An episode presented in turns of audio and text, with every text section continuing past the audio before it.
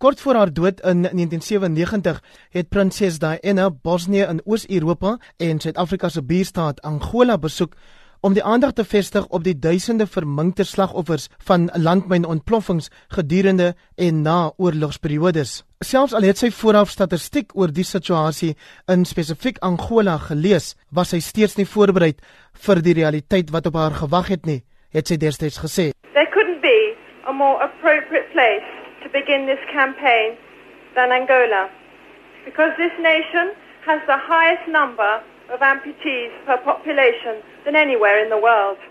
Professor Abel Estreise is van die fakulteit krygskunde by die Universiteit Stellenbosch. Hy antwoord oor hoe sake deesdae staan met betrekking tot landmyne veral in Suider-Afrika. In Suider-Afrika dink ek het die fokus heeltemal verskuif vanaf die gebruik van landmyne en offensiewe gebruik na meer na die opruiming van landmyne. Ek dink nie Suider-Afrika word vandag meer beskou as 'n omgewing waar daar baie landmyne geplant word nie. Die fokus is meer om om ontslae te raak van die Koue Oorlog gebruik daarvan.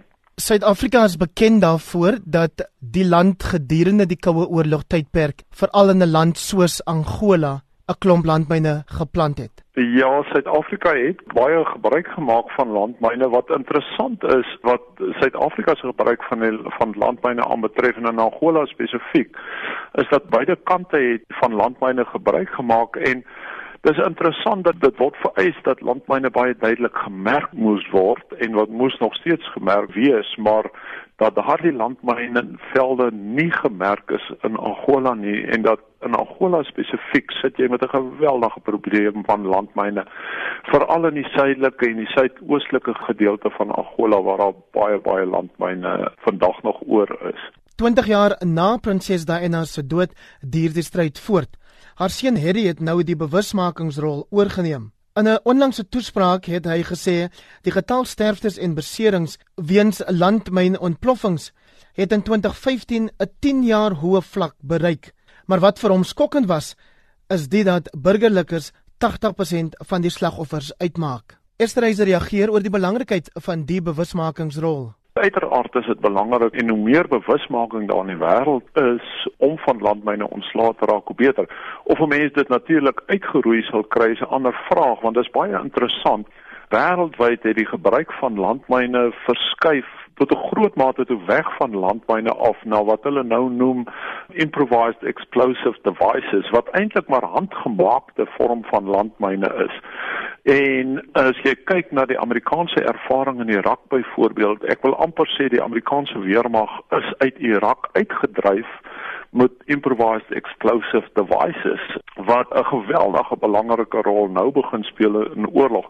Ons het eintlik 'n stap teruggeneem in die gebruik van landmyne dat ons landmyne nie meer formeel plant versuin maar dat ons nou eerder gebruik maak van 'n baie meer informele eh, landmyn as ek dit so kan stel van die improvised explosive devices. Dit is bekend dat landmyne in die verlede in elk geval in oorlogssituasies gebruik is, maar dit wil skyn asof dit nou ook in terreursituasies gebruik word onder meer deur Boko Haram en die Islamitiese staat. 'n Mens moet ook 'n onderskeid tref. Ek meen landmyne se doel was nog altyd om te vermink.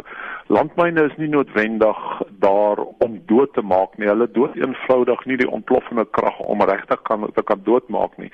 So landmyne vermink gewoonlik. Maar landmyne is 'n terreurwapen en uiter aard word daar nog steeds van landmyne gebruik gemaak as 'n terreurwapen en natuurlik van uit die perspektief van terreurgroepe probeer hulle om soveel as moontlik van terreurwapens en om die wapen so groot as moontlik te maak om dit nie net 'n wapen van verminking te maak nie maar ook 'n wapen wat grootskaalse dood en vernietiging teweegbring. En ek dink dis 'n groot klemverskywing wat 'n mens gesien het in die onlangse verlede in terme van die gebruik van landmyne.